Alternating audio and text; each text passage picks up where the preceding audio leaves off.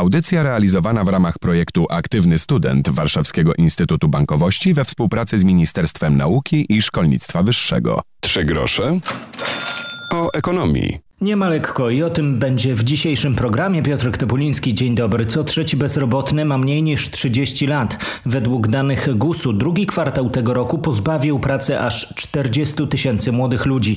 Pisze o tym Rzeczpospolita i będzie o młodych, ich sytuacji i postawie wobec decyzji takich jak inwestycje czy kupowanie w niełatwym czasie. Pojawi się też ostrzeżenie przed cwanymi cyberprzestępcami. Na początek prasa, jak pisze Anna Cieślak-Wróblewska z Rzeczpospolitej, w pandemicznym kryzysie młodzi są zwalniani, bo zwykle pracują na umowy cywilnoprawne. Będzie im też trudniej znaleźć nową pracę, bo często młodzi ludzie pracują w takich branżach jak gastronomia, hotelarstwo czy branża eventowa, które w tym sezonie przeżywają wiele trudności. Jeśli chodzi o jesień, no to również nie wiadomo co to będzie. Chodzi m.in. o motoryzację, transport, turystykę zagraniczną czy turystyczno-eventowy sektor. Tu również możemy spodziewać się dalszych redukcji zatrudnienia zatrudnienia. Tymczasem, jak dodaje Katarzyna Bartman z portalu Money.pl, młodzi mają do wyboru albo niskopłatną fizyczną pracę na produkcji, do której się nie garną, albo powrót na garnuszek rodziców. Do tego zasiłek dla bezrobotnych albo roboty interwencyjne, o ile rząd takie zorganizuje.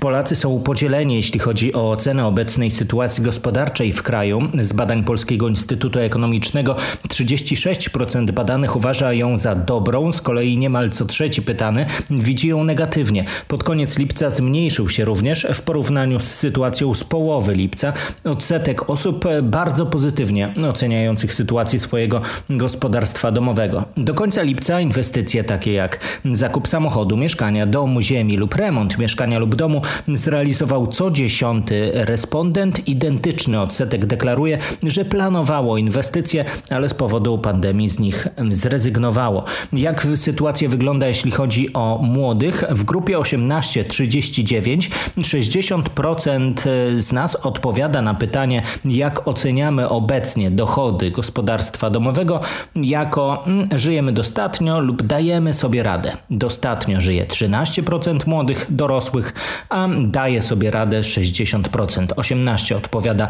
że z trudem sobie daje radę, 4% odpowiada praktycznie nie dajemy sobie rady. Więcej na ten temat Andrzej Kubisiak, Polski Polski Instytut Ekonomiczny. To, co jest kluczowe, jeżeli chodzi o sytuację obecnie na rynku pracy, to widzimy dużą stabilizację po stronie przedsiębiorstw. Około 80% firm planuje zarówno utrzymywanie zatrudnienia, jak i utrzymywanie obecnych e, poziomów płacowych. To, na co warto na pewno e, zwrócić uwagę, to nastroje e, pracowników.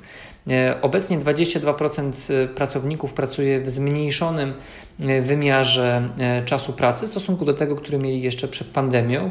Jest to wynik o 8 punktów procentowych niższy niż jeszcze przed miesiącem, bo na koniec czerwca to był wynik 30%, obecnie to jest 22%. Jest to istotna informacja, bo pokazuje, że e, stany zatrudnieniowe w firmach zaczynają wracać powoli do, tego, e, do tej sytuacji, która była jeszcze przed e, pandemią. To, na co również warto zwrócić uwagę, to obawy przed utratą pracy. Obecnie 12% pracowników obawia się utraty pracy. To jest o 4 punkty procentowe mniej niż to było jeszcze przed miesiącem, więc ta postawa pracowników jest nieco lepsza, dość stabilna i trzeba powiedzieć, że dosyć korzystna z perspektywy e, również czynników konsumpcyjnych, ponieważ stabilność zatrudnienia również przekłada się potem na decyzje i deklaracje o e, planach e, wydatkowych. Dodam jeszcze sondaż portalu Gumtree.pl i agencji Randstad. Dwie trzecie Polaków pracujących obecnie z domu stwierdza, że przekracza standardowy czas pracy, a siedmiu na dziesięciu twierdzi, że szefowie kontaktują się z nimi po godzinach, podkreśla Rzepa. O sytuacji młodych dzisiaj za chwilę będzie o naszych nawykach zakupowych. Wiemy już wszyscy, że uwielbiamy kupować w internecie, ale co to za sobą pociąga no i jak z bezpieczeństwem tego typu rozwiązań o tym za moment. Trzy grosze o ekonomii. Szybko zrozumieliśmy, że gotówka nie jest obecnie najlepszym, najwygodniejszym środkiem płatności. Młodzi uwielbiają uwierzytelniać się dotykiem lub twarzą.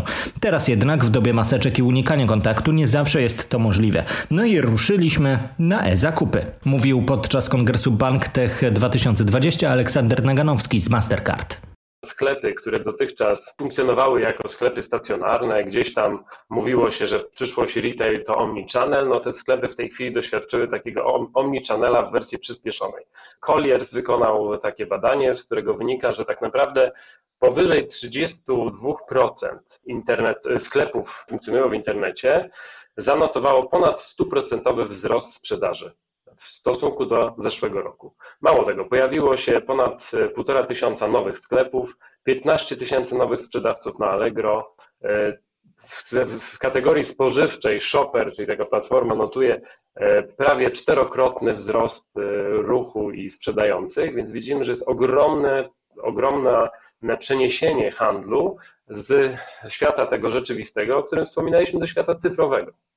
A to oznacza, że oczywiście również płatności będą się przenosiły do tego świata. Na kolejnym slajdzie przyglądamy się samym płatnościom. W sieci zakupy zwiększyły się o 17 punktów procentowych. 57% osób e, w zeszłym roku deklarowało, że kupuje w sieci. Nasze statystyki też, też bardzo duże wzrosty pokazują. Tutaj mamy opinię ludzi, którzy w zeszłym roku deklarowali w dwóch trzecich, że kupują w internecie. W tym roku deklarują już w 72%, że kupują w internecie, przy czym 18% osób zrezygnowało z płatności gotówką przy odbiorze. To jest dosyć naturalne. Widzieliśmy też bardzo dużo różnych działań, czy to paczkomatowych, czy różnych innych, które promowały płatności byle nie gotówką, czy to przy odbiorze, czy przy zakupie. To oznacza ogromną presję na to, w jaki sposób klienta obsługujemy.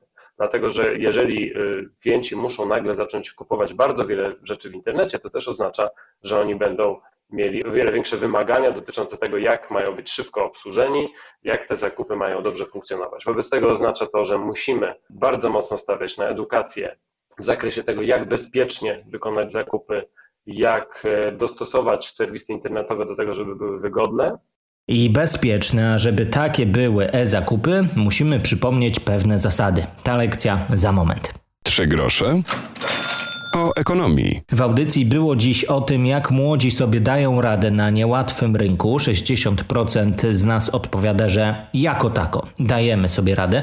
Wspomnieliśmy o zakupach w internecie i w sieci pozostajemy. Aleksander Naganowski z Mastercard ostrzega, sposoby cyberprzestępców ciągle się zmieniają. Już w zeszłym roku widzieliśmy 15% według raportów, które w tym roku się pojawiły, 15% zwiększenie ataków phishingowych na klientów, czyli tych polegających na przejęciu danych niezbędnych do logowania czy do płatności. Można się jasno spodziewać tego, że w tym roku będzie jeszcze większy albo wręcz dramatyczny skok.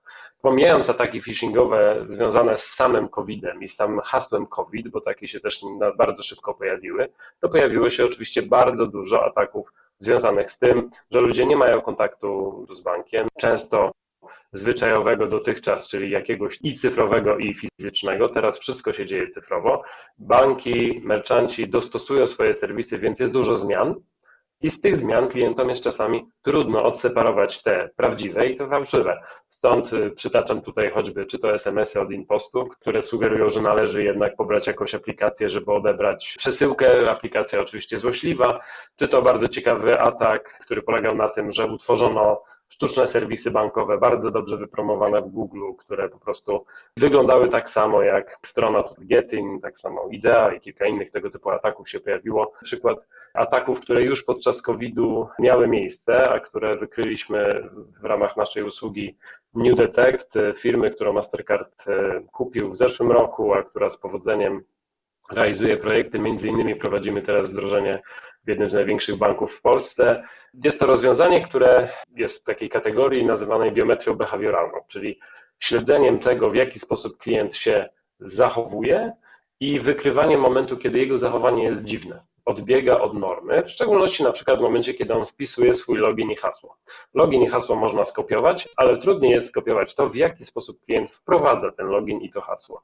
Atak, o którym tutaj mówię, e, które widzimy w tej chwili w stosunku do zeszłego roku wzrosły pięciokrotnie, ten atak był bardzo sprytny. Atak wykorzystywał tak naprawdę klawiaturę klienta, czyli nie było próby logowania do e, serwisu internetowego z poziomu jakiejś tam maszyny, tylko tak naprawdę komputer klienta był wykorzystywany do tego, żeby się zalogować na, na, na, do tego serwisu, czyli w zasadzie widzimy, że dobra, dobry komputer. Wprowadzone hasło i identyfikator klienta było w ten sposób, że nie było to szybkie wprowadzenie wszystkich znaków, tylko po kolei z losową prędkością. Kolejne kroki ataku realizowane były bardzo wolno, co odpowiadało prędkości normalnego funkcjonowania klienta. Jak bardzo to był masowy atak, to było 100 tysięcy prób włamania za pomocą właśnie takiego kodu wysłanego do urządzenia klienta. Finalnie udało się wykryć z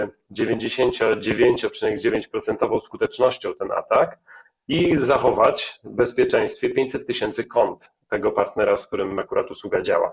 To są takie sytuacje, kiedy zwykły login, hasło, kiedy zwykłe nawet pilnowanie tego, czy adres IP, czy urządzenie jest to samo, którego się spodziewamy, nie wystarczają. I z tym będziemy się borykać coraz częściej i będzie to na pewno nieodzownym elementem zakupów i płatności w tej nowej erze. Czyli jak słyszycie, nasze zachowania są też pewnym śladem i informacją, i to nawet jak wpisujemy hasło, ma znaczenie. Tak czy inaczej, uważajmy, nie bójmy się płacić nowymi technologiami, ale podchodźmy z czujnością do portali, z których zamawiamy i do sposobów płatności, tak byśmy nie byli stratni i by nasze dane i pieniądze były bezpieczne. Więcej na temat edukacji finansowej znajdziecie, myślę, w naszym podcaście. Trzy grosze o ekonomii wystarczy wpisać w swojej ulubionej aplikacji z podcastami podcastami i tam znajdziecie ten program, a także wszystkie poprzednie, by usystematyzować sobie wiedzę. Tymczasem życzę spokojnego dnia i tygodnia. Do usłyszenia za tydzień. Piotr Topoliński. Audycja realizowana w ramach projektu Aktywny Student Warszawskiego Instytutu Bankowości we współpracy z Ministerstwem Nauki i Szkolnictwa Wyższego.